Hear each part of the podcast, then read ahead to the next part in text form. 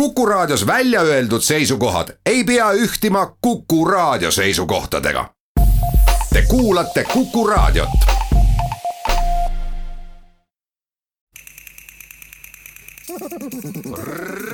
reisirada. tere, Kuku Raadio kuulaja üle maailma on praegu arenemas olukord reisipiirangute kehtestamisega ja transpordiühenduste katkemisega praegu ei tee me plaane uute reiside jaoks, vaid meenutame ehk mõningaid paiku, mis mulguvad meeles, kus on teemant säralised rannad ja puutumatu loodus, kus on veel valged laigud maailma turismikaardil nagu Angola ja Ghana. praegu on ehk õige aeg meenutada mõningaid reise, mis selja taga reisirada valibki mõnes tulevases saates välja meenutused mõnest erilisest reisist. saatejuht Jaak Karin tervitab teid saatesse Reisirada reisirada. seega läheb ka reisirada reisile ja nimelt sellisele, mis on juba selja taga, aga see-eest meelde jäänud. kas seetõttu, et oli eriline paik, erilised emotsioonid või päris esimene reis kusagile, kus enne kunagi ei olnud käidud selles Reisirada saates kuulamegi üht meenutust ühest põnevast reisist, nagu ka mõningate eelmiste saadete juures näiteks kus Tansaania aukonsul Jaanika Vaikjärv rääkis oma reisist ja Kilimandžarost, Sansibarist ja oma raamatust selle maa kohta. Ning Jürgen Christopher Korstnik jutustas oma visiidist väga erilisse paika nimega Aurovill, mis kuldsena seisab India keskkonnas ja moodustab selliselt suurima võimaliku kontrasti ümbrusega, utoopia, kus ollakse vaba kohustustest, omandist ja survest edukusele reisirada tutvustab kahte sihtkohta, mis on tulnud uutena maailma turismikaardile. kõigepealt Angola. seal leian ma imelise soenguga noormehed tutvustamas laulude ja buklettidega oma maad. ja mina tahan ka teada, kas see maa on täis muusikat ja naudingut ka argipäeval, sarnaselt Kuubale. You are from Angola? Yes, I am. And your name? Tim is my name, Tim Lopez. Tim Lopez. Oh, yeah, very Angola name. yes. Uh, I believe that we are born artists. That's what I believe. And that's true. ma arvan, et meil on veres olla kunstnikud. ma usun seda ja nii see on. olen muusik, ma mängin kitarri ja laulan. homme olen ma siin oma pilliga ja laulan meie laule Tomorrow I'll be singing, I'll be here with my guitar and singing some of our locals. kuna mind aga homme selles kohas ei ole, siis on Tim nõus laulma ka kohe. Wawe ndolo kumushimazie mushima we maka kumushima mushime eh eh eh eh and it was about love, It was about love, yes. muidugi oli see laul armastusest uh, õnnelikust happy love or armastusest. väga Actually, õnnelikust very happy love. What did you say? I said, my heart is waiting for you in the same place where you left. I actually cooked for you. You said this also? Yes. and what did you cook? ma ütlesin, minu süda jäi sind ootama selles kohas, kus sa must lahkusid ja ma tegin sulle süüa, selgitab Tim ja mina tahan teada, mida ta siis süüa tegi. seda ma ei kirjutanudki, naerab Tim. I don't know. that I didn't write. ja siis tutvustab ta Angolat, kus on ilus loodus. Ranging from deserts to savanna, uh, a vast range of rivers and vast ocean and beaches for surfing, diving. Warm people, happy all the time. Well, they like to sing and dance like always. Uh, a lot of art, nevertheless, uh, warm place. see ulatub kõrbes savannini, meil on hulk jõgesid ja randu, on ookean surfamiseks ja sukeldumiseks. meil on inimesed, kes on õnnelikud ja kogu aeg. Neile meeldib pidevalt laulda ja tantsida. meil on palju kunsti, see on väga soe paik. nii et kui sinna reisida, tuleb sellele mõelda, et seal võib vahetevahel olla tõsiselt kuum. aasta keskmine on seal kolmkümmend viis kuni nelikümmend kraadi ja seal on niiske Angola magnetiks on seega teemantsäralised rannad, puutumatud metsiku loodusega pargid ning Aafrika üks suurimaid koskesid kahe tuhande teisel aastal lõppes kodusõda ning Angola majandus kasvas jõudsasti ning stabiliseerus. rahu tõi kaasa võimaluste ja maa avastamise ajastu. Angola kliimat mõjutavad tugevalt kolm kohalikku eripära. esiteks jahedad Benguela merehoovused, teiseks mägine sisemaa ja kolmandaks Namiibi kõrv selle tulemusena on Angolas mitu erinevat kliimapiirkonda, niiske ja troopiline džungel maa põhjaosas, kuiv ja jahedam kesk-lavamaa ning kuiv lõunaosa, mõjutatuna selle lähedal asuvast Kalahari kõrvest. kui nüüd tekkis mõte avastama minna seda veel üsna tundmatut Angolat, siis parim aeg Angola külastamiseks on juunist septembrini, mil saab nautida mõnusalt jahedat ja kuiva ilma mina pööran tähelepanu Timmi erilisele soengule, kus ta on pealaele krooniks koondanud pikad patsid. see on tema isiklik identiteet, ütleb ta naerdes.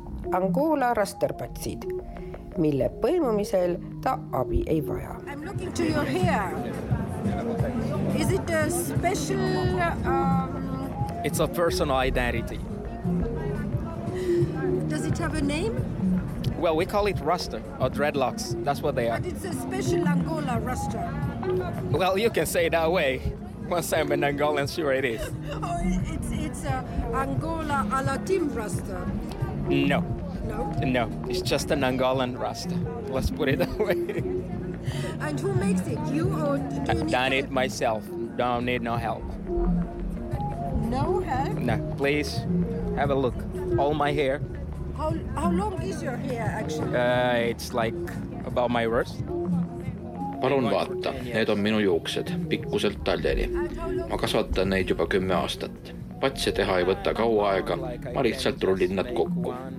nii et nad kasvavad nii edasi ja nii jäävad nad nüüd järgmiseks kümneks aastaks, nii kaua, kui ma olen neid kasvatanud. So it will grow like that. And now you will be like that for the other ten years. Yeah. True. Yes, that's how I've grown my hair for 10 years.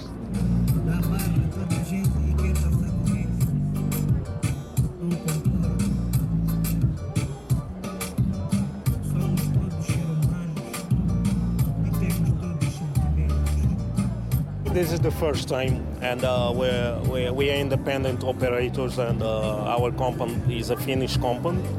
Yeah, and uh, we, we decide to come because it's the place where we can make Angola more visible. Yeah. me oleme siin esimest korda, sest meie firma asub Soomes. siin saame me end rohkem nähtavaks teha, ütleb Niito Kalohombo, firma boss. Tema on tantsija ja annab isegi tantsukursuseid. Angola is open to for people who's looking for new new adventure, new experience, and uh, it offers a lot of uh, authentic uh, lifestyle.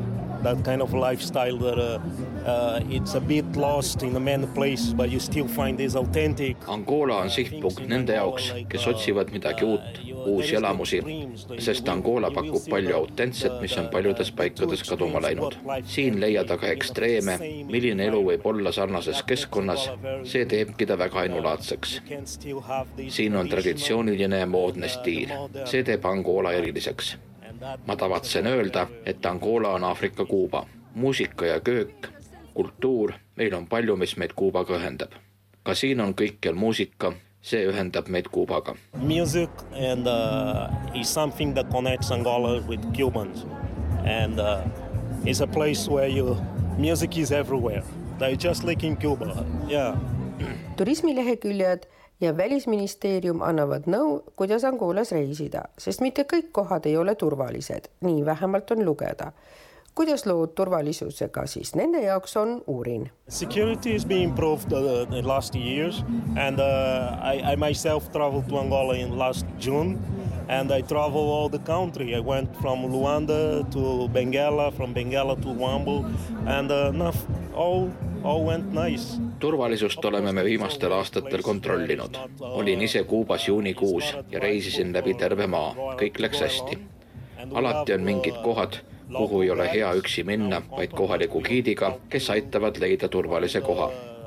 turvalisus on midagi, mida me väga tõsiselt võtame. Safety is something that we are, we are taking care seriously kas Angola on ka kallis reisimiseks? Luanda is a very expensive uh, city, but once you move from Luanda to other province, it's not so expensive, and there is very cheap, good food, fish, straight from the grill, nice fish, good food. Angola on kallis, kui sa lähed Luandasse, see on väga kallis linn. kui sealt edasi minna maapiirkondadesse, siis seal ei ole enam kallis ja Angolas on väga hea köök kala otse grillilt, väga hea kala, supersöök. kui sa oskad laulda ja tantsida, muusikat teha, siis on Angola paik, mida sa naudid, ütleb Nito Kalahombo. And uh, the people will welcome you very nice and uh, you will have a lot of good nice good friends because Angolan people is very uh, the hospitality of Angolan people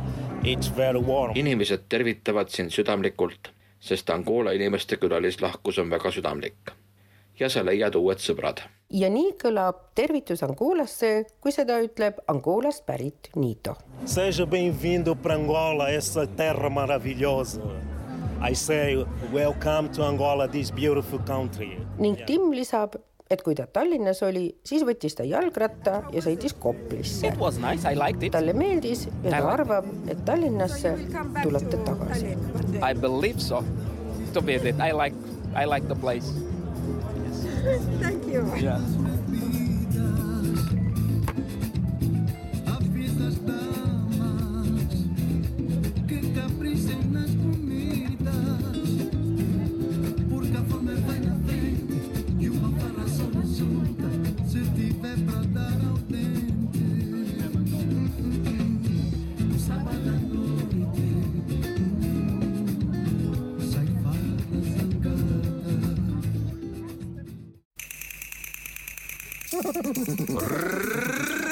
Reisirada. teise uue sihtkohana lisandub maailmakaardile Ghana. seal räägib kuuskümmend protsenti elanikest inglise keelt, see on Briti koloniaalaja pärand. kuna Ghanas kehtib koolikohustus, siis on see ka põhjuseks, miks Lääne-Aafrikast tuleb hulgaliselt kvalifitseeritud arste ja insenere, piloote ja õpetajaid, haiglaõdesid ja mehaanikuid kõige kuulsam ghanalane on Kofi Annan. tema oli kuni aastani kaks tuhat kuus ÜRO peasekretäriks. oma püüdluste eest inimõiguste parandamisel ja maailma rahu nimel austavad paljud inimesed Ghanas teda kui rahvuskangelast siiani. Ghanas saavad inimesed nime nädalapäevade järgi, mil nad on sündinud. seega ütleb meile nimi Kofi, et tema sünnipäev oli reede. seega on Ghanas ainult neliteist eesnime, seitse naistele ja seitse meestele. Ghana, if you ask me, what does it feel like? What does it smell like? What does it taste like? Um, we are doing a big campaign here, see, feel, smell. And um, we, we, we are the authentic option of um, natural um, um, experiences. Um, we have very rich, we're rich in food, rich in culture, rich in tradition, strong, rich history.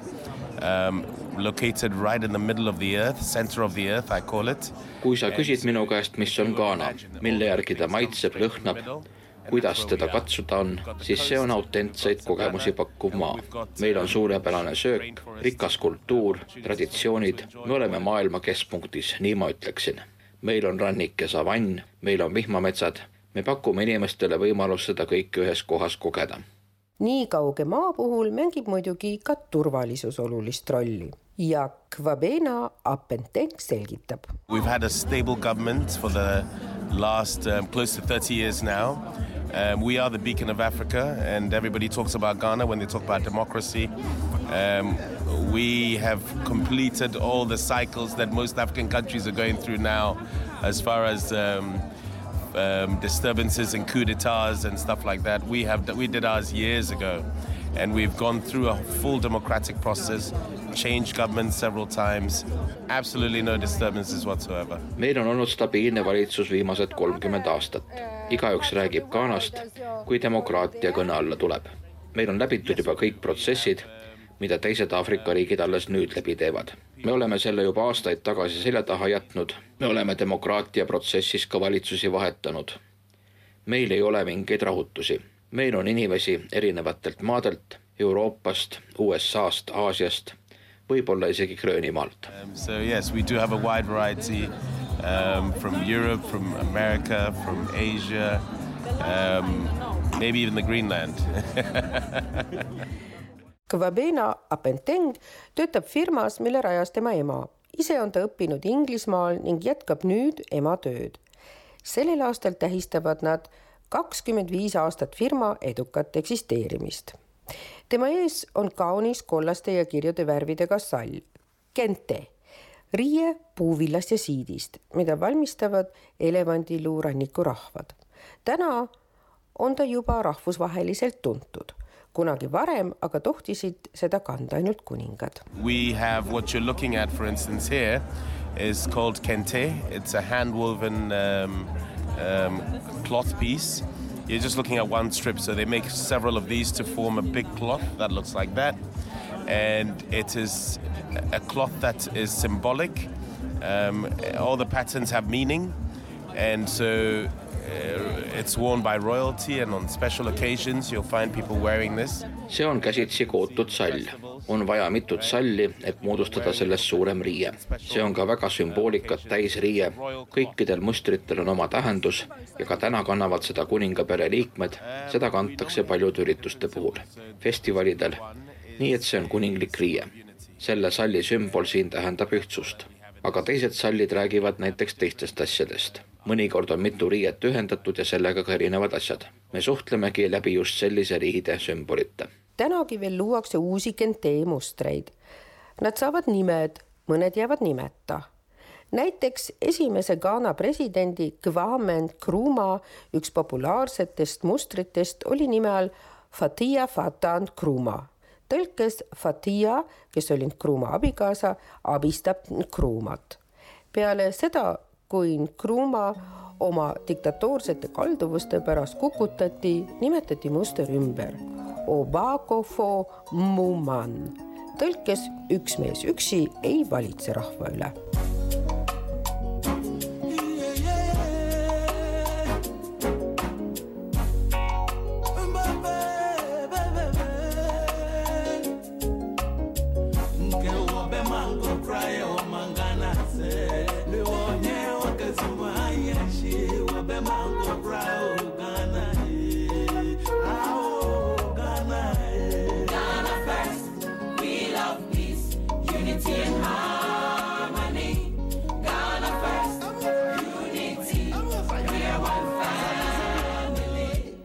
Kvabena Appentengi tagaseinal on suured fotod koloniaalaegsetest valgetest hoonetest, endistest Portugali koloniaallinnadest nagu Benguela.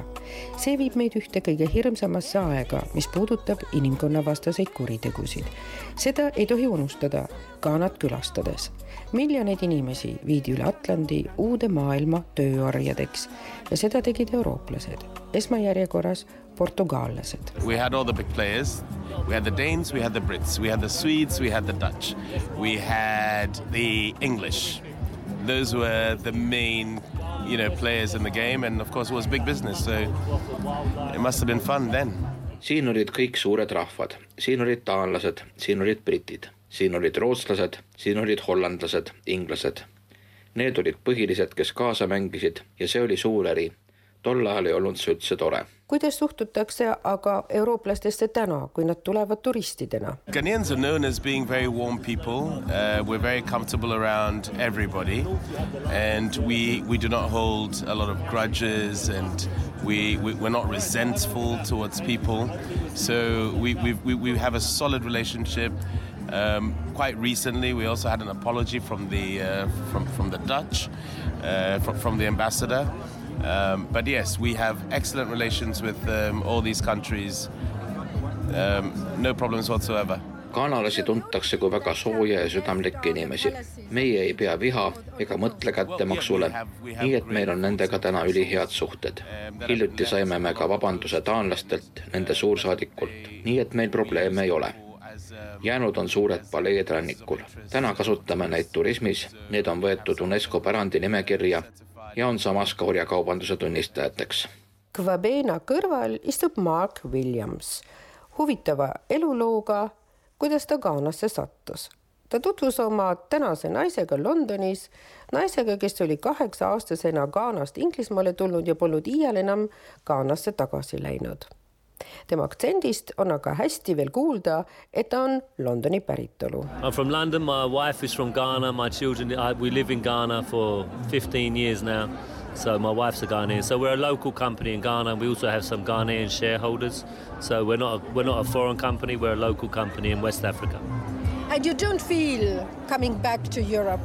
No, no. I'm, I'm, for me, Ghana's my home. I couldn't imagine living anywhere else. A wonderful, friendly, safe country of travel. Nüüd elavad nad koos lastega juba viisteist aastat Ghanas. Neil on oma firma Lääne-Aafrikas, millest üks osa kuulub ka kohalikele. minu jaoks on Ghana minu kodu, ütleb Maak. ma ei kujutaks ette, et ma elaksin kuskil mujal, seal on sõbralikud inimesed, turvaline maa elamiseks ja reisimiseks. Betsy Kobe torkab silma oma Aafrika mustritest traditsioonilise kleidiga. Tema on Ghana turismibüroo marketingi esindaja. How would you uh, characterize Ghana? Ghana is the is a peaceful destination in Africa, especially in West Africa. If you want a safe country to visit, come to Ghana. Ghana on rahumeelne riik Lääne-Aafrikas kui tahad turvalist maad külastada, siis tule Ghanasse. ning loomulikult kiidab Betsi ka kohalikku sööki. tema lemmiktoiduks on kerge supp nimega fufu. letil tema ees on taldrik kuivatatud bataadiga. My favorite food is fufu and light soup. Yes. Is it easy to make? Very easy to make. seda on väga lihtne valmistada. kui Ghanasse tuled, siis näed, kuidas me seda teeme. paljud valmistavad Ghana roogi Neid kuivatatud bataani viile kerge soolaga kohalikud Euroopas ei tunne ja see ajab nii teda kui kolleege naerma, et siin kutsutakse seda suur banaan. This is called, this is a plantain chips, but here they call it big banana yes. Most of them don't know what, what is plantain. So we say this is big banana fried.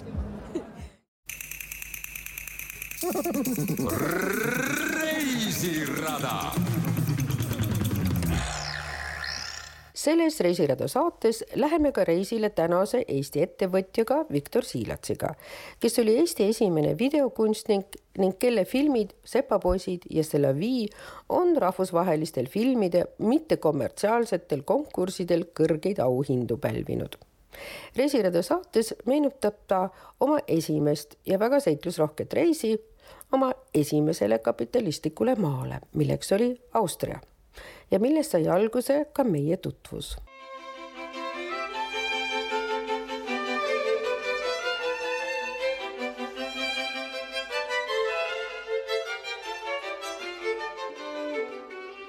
Viktor Siilatsiga kohtusin viimane kord pikemalt siis, kui ta Saksa telekanalile CDF tutvustas oma jahiga merereisi ja Vormsi saart. Nüüd istume Kumu kultuurihommikul ja ma uurisin, milline oli tema jaoks esimene meeldejääv reis. sa pead silmas esimene reis välismaale, eks ole ju, ja võib-olla kõige huvitavam oleks meenutada esimest reisi kapitalistlikkusse maailma, sest ütleme olles äh, tolleaegses Nõukogude Liidus äh, see Nievõiest-Noi ehk siis äh, see, keda välja ei lubatud, vaatamata korduvatele püüdlustele, siis just nimelt need ähm, kapitalistlikusse riiki väljasõidud, need on meelde jäänud. sotsialistlikesse riikidesse nagu Ungarisse ma pääsesin korduvalt. ja esimene reis oli seotud minu filmialase tegevusega Äh, täpsemalt videokunstiga, olen Eesti esimene videokunstnik äh, ja tegin valmis ühe mm, teose nimega Sepapoisid, äh, sellise digitaalvideokunsti valdkonnas. Ja mm, see oli siis aasta võis olla, mis ta võis olla, tuhat üheksasada kaheksakümmend kuus äkki. kui, või kaheksakümmend seitse, kui oli siis Graatsis, Austrias, oli mittekommertsiaalsete filmide festival nimega Unica. ja sinna pandi kokku siis üks selline turismigrupikene, mis koosnes kuueteistkümnest liikmest, nendest üksteist olid Ukraina kaubandusturistid ja viis äh, Eesti filmitegijat. Ähm, üks koht oli reserveeritud ka mulle, sest et äh, mul oli siis ainsana äh, film seal Graatsis programmis. nii et mina olin ka nagu umbes nagu tulemas ja siis, kui kõik need avaldused olid täidetud, siis selgus, et ainus, kes sellest reisist maha jäeti, olin siis mina aga aeg oli jõudnud nii kaugele, et ähm, juba käis nagu see perestroika ja, ja glasnost äh, ja Eestimaa Kommunistlikus Parteis hakkasid toimuma mingid äh, pöörded, äh, kus ideoloogiasekretär Rein Ristlan hakkas kaotama oma võimu ja oli siis ähm, sellised nooremad, nooremad progressiivsemad parteilased, Indrek Toome ja Jaak Kaarma kuuldavasti tekkis minu pärast äh, vaidlus. Äh, ja see vaidlus lõppes siis selliselt, et tund aega enne lennuki väljumist äh, Tallinnast helistati mulle järsku, et paki nüüd oma asjad ja kobi kähku lennuki peale ja, ja kao siit ja no mina olin muidugi oma mõtetes juba sellest reisist loobunud, isegi kõrvale pandud rahad olin ära raisanud aga, aga sain ikkagi hakkama ja sain sinna, sain sinna selle lennuki peale, sain Austriasse, sain Graatsi ja mu film võitis seal pronksauhinna. ja mis sulle siis sellest reisist veel meelde jäi peale auhinna ah,? no kõigepealt äh, ma sain ju seal kokku ühe toreda eestlannaga, kelleks äh, oled sina, Tea et see oli nagu üllatav äh, sellises kohas eestlasi näha ja nagu, nagu, nagu ikka sellised kohtumised välismaal väliseestlastega on, on alati soojad ja liigutavad ja südamlikud, et ja, ja tänan muidugi seal võõrustamast ja see oli väga-väga-väga vahva. see oli nii vahva, mis pani mind siis aastal tuhat üheksasada kaheksakümmend kaheksa oma reisi mõnes mõttes nagu kordama jällegi, kui meenutada seda vana Nõukogude aega, siis äh, oli ju nii, et ähm, no selline Njevõiasnoi ei saanud äh, ise ka välja, eks ole, aga kui mingi ime läbi, nagu minuga juhtus, kui, kui siis sai, siis pere pidi muidugi jääma koju mm, nagu natukene nagu pantvangi. Aga tuhande üheksasaja kaheksakümne kaheksandaks aastaks olid asjad juba natukene jällegi edasi arenenud ja ma proovisin saada mm, väljasõiduluba Austriasse ja kui ma õieti mäletan, siis sinult, Tea, oli kutse ka. aga ma sain eitava vastuse.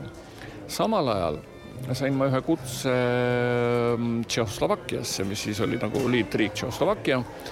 ja, ja siis jah, mm, mulle ja mu perele vormistati ära sotsialistlikusse Tšehhoslovakkiasse siis reisidokumendid, välispassid, iga kord anti siis eraldi välispassid välja selle Tšehhoslovakkiasse sõitmiseks mõeldud välispassiga ähm, lendasin ma siis Moskvasse, sinu kutse näpus ja läksin äh, Austria konsulaati ja palusin äh, sinna see Austria viisa sisse lüüa um,. Nad natukene kahtlesid, et kas ikkagi Tšehhoslovakkiasse äh, mõeldud passiga saab ikkagi niiviisi Austriasse edasi minna aga siis ma ütlesin, et aga no miks ei saa, mingit keeldu? Ju ei ole. Ja see on nagu lõppude lõpuks viisa ja mis nii ja, ja, ja võttis nädal või paar, aga, aga nad lõid sinna Tšehhi passi, lõid äh, Austria viisa sisse. Viktor, aga kas äkki võib öelda, et, et siis oli see natuke nii nagu praegu Euroopas, piirideta Euroopa, et kui sa juba ühte Euroopa riiki oled tulnud, siis liigud sa seal ka edasi? tead sa, nii lihtne see ei olnud. Äh, ehk siis me jõudsime ausalt äh, Tšehhoslovakkiasse. Ähm, Tšehhoslovakkia oli selline riik, kus meil õnnestus äh, siin Eestis täiesti ametlikult vahetada Tšehhi valuutat mingi rublade vastu mingi erakordselt soodsa kursiga hirmsates kogustes, nii et nii et me olime seal Tšehhoslovakkias, elasime nagu kuningakassid ja siis saabus aeg liikuda Austria suunas. Mida ma siis otse ei tahtnud teha, otse Tšehhoslovakkiast, ehkki seal oli, see on vist see Bratislava on seal see Austria lähedane. Äh, sealt ei tahtnud minna, äh, et läbi Ungari, kuna käisid jutud, et Ungaris ja Austria piiril nagu enam eriti ei kontrollitagi midagi. äh, jõudsime Tšehhoslovakkiast ilusti Ungarisse, mingeid probleeme ei olnud, valmistusime minema mm, Austria suunas, kui siis minus lõi, no kuidas öelda, nagu selline ahnus lõi lõkkele. ja ma siis soovisin siseneda Äh, Austriasse hoopiski mitte otse Ungarist, vaid läbi Horvaatia äh, kuna ma olin ka Horvaatias filmifestivalil käinud äh, Zagrebis ja mulle see väga meeldis, lihtsalt tahtsin oma perele näidata, et selline reis ette võetud, miks mitte.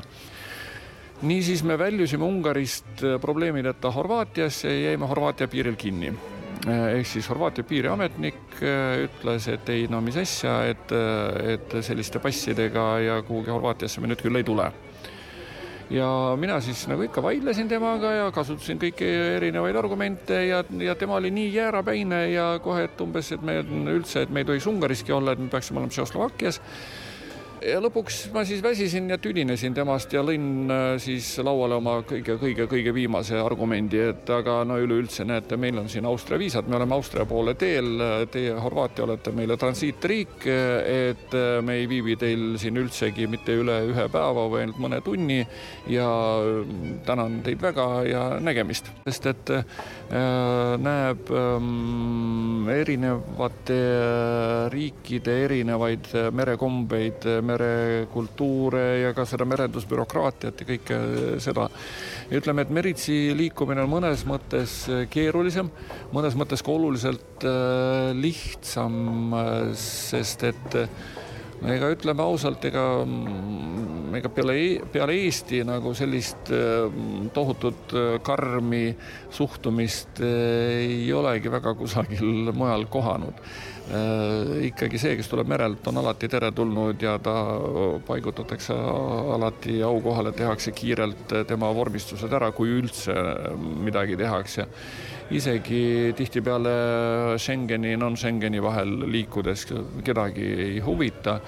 mõnikord on sellist äh, natukene, natukene tollibürokraatiat, aga, aga no ka üks Norra tolliametnik on mulle öelnud, et jaa, vot siin me siin istume teiega, loeme kokku neid lusikaid, samal ajal kui see suur laev liigub sisse-välja lihtsalt niisama, see meie oma, äh, ilma mm, midagi kusagilt eriti üles märkimata. et Meritsi on huvitav ja kuna ma olen äh, siis äh, mingi hetk ma olin juba külastanud neid Euroopa riike oma paadiga nii palju, et mm, sellel tekkis juba nagu selline kollektsioneerimisväärtus et tekkis soov võtta neid juurde veel ja veel. ja tänaseks päevaks mul ongi enamik Euroopa riike oma paadiga külastatud, neisse on sisenetud, väljutud, seal oldud ja, ja ka Euroopa lähiümbrusriike äh, nii et sellelt pinnalt on siis valminud ka raamat Paadiga Euroopasse, millest nüüd eesti keeles on ilmunud juba kaks trükki, aga siis on ka inglisekeelne trükk eelmine aasta Äh, õnnistati siis õnnistati sisse maailma ähm, jahting Capitalis ehk purjetamispealinnas Monacos. Ja ühtlasi olen siis Monaco jahtklubi mm, liige. ja, ja nüüd just hilju sai valmis ka minu raamatu venekeelne versioon. jätkame juttu ka natuke Eesti ranguse osas merereisidel? Äh, ma arvan, et, äh, et see mm, Eesti rangus on nüüd mm, seoses äh, Schengeni viisaruumiga Euroopas liikunud oma õigesse suunda, ehk siis piir Schengeni liikmesriikide vahelt on kadunud, piiri all ma mõtlen piirikontrolli ja see annab võimaluse mm, näiteks Eestis Prangli saarelt eh, liikuda otse mõnele Soome eh, saarele ilma selleks Tallinnat eh, Eesti poole pealt või siis Suomenlinnat sealt Soome poole pealt läbimata, et see annab ikkagi Eesti ja Soome mereturismile, aga Euroopa mereturismile mm, täiesti uued mõõtmed.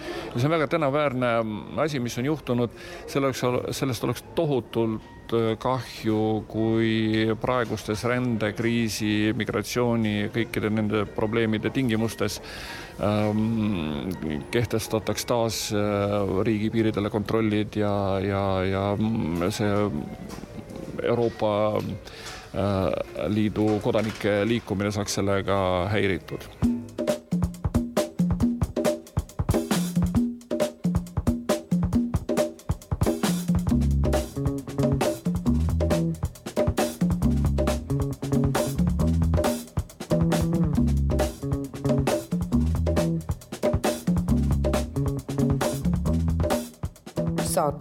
tehnilise külje eest vastutas Veiko Rebane, teksti luges Toomas Metsis. reisirada viis sel korral ka uutesse sihtkohtadesse maailma turisminduses. Angolasse, mis on veel valge laik reisisihtide maailmakaardil, mille kohta öeldaksegi sama ilus kui Namiibia, aga tundmatu. Angola on kolm korda nii suur kui Saksamaa ja kunagine Portugali koloonia Angolas sai korraks ka kontinendi suurim naftatootja. miljoneid dollareid voolas pealinna, millest sai maailma kallim linn välismaalaste jaoks, kallim kui Tokyo, kuni Hongkong tiitli jälle kahe tuhande seitsmeteistkümnendal aastal üle võttis kõrgete hindade üheks põhjuseks on, et Angola impordib peaaegu kõike, isegi jogurt tuleb Portugalist. kalliduse kõrval, mille hulka kuulub ka viisa, pakub Angola aga looduslikke üllatusi. Ghana on selle eest soodsam reisisiht. riik oli üks esimestest Aafrika riikidest, mis võitles kätte oma iseseisvuse.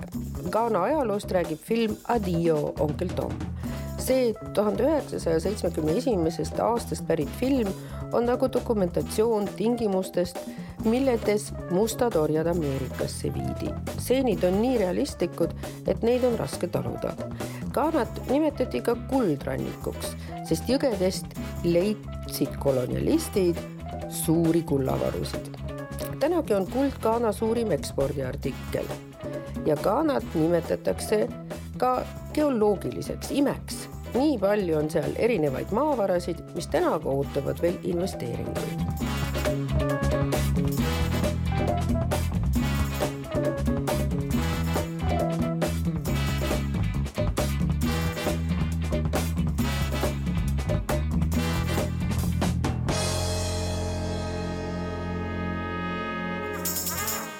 Kuna Viktor Siilats viibib vahelduva eduga nii Eestis kui Lõuna-Prantsusmaal ja teda võib leida maailmameredelt, siis pärineb temalt ka raamat Paadiga Euroopasse.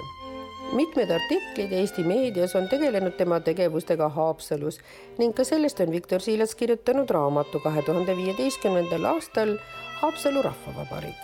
seal kirjeldab ta sündmusi, mis olid seotud Haapsalu sadama taastamisega ja Suurholmi sadama akvatooriumiga. Kuna tekkis ka kohtuvaidlus, siis annab Viktor Siilats raamatus nõu, kuidas suhelda poliitikute, ametnike ja meediaga. kohtuvaidlus lõppes tema võiduga ning vaidlusalune kai kuulub edasi Suurholmi sadamale. Viktor Siilats kirjutas ka kahe tuhande üheteistkümnendal aastal raamatu eestlaste väljarändest ja parema tuleviku otsingutest nimega Valge laev. Eesti video ja Viktor Siilatsi käest valmis ka videoringvaade Eestimaa ja dokumentaalfilmid Vabaduse tee ning Tants vanakuradi vanaemaga, mis rääkis Eesti Vabariigi esimese presidendi Konstantin Pätsi vähetuntud tegevustest. sellel aastal, kui Eesti tähistab laulupeo saja viiekümne aastast juubelit, on ehk ka õige aeg üle vaadata ja meenutada tuhande üheksasaja kaheksakümne kaheksandal aastal valminud dokumentaalfilmi Eestimaa laul tuhat üheksasada kaheksakümmend kaheksa.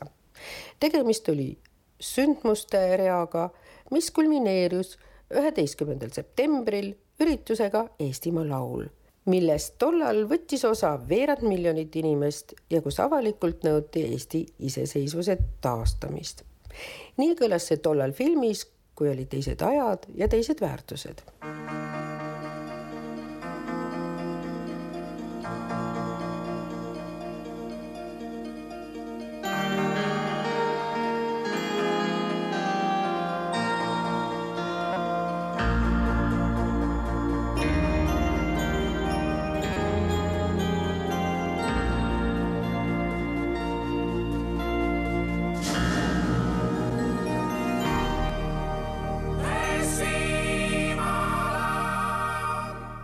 nagu kaunis heli kandlekeelest, nagu lõokese lõõriv hääl, nagu laulud linnu lahkest meelest, nagu kellakõlin aasapääl.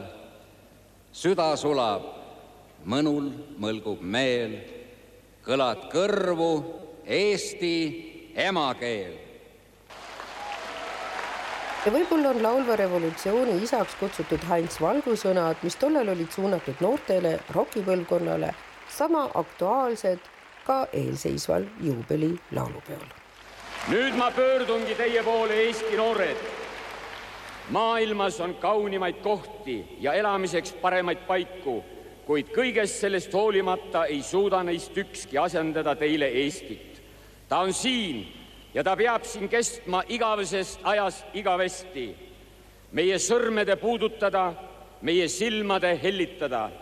kandke seda maad omas südames ning ärge teda kunagi reetke.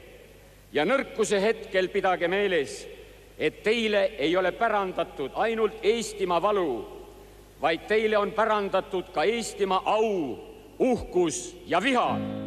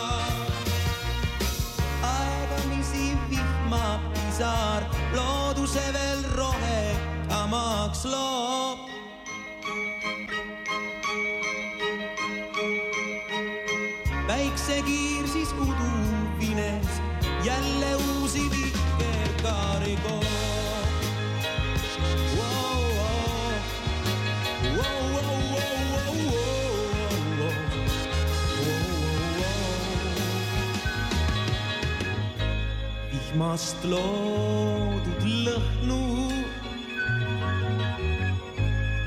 on ladestunud õhku loodushääli on nüüd kõikjal. taas algamas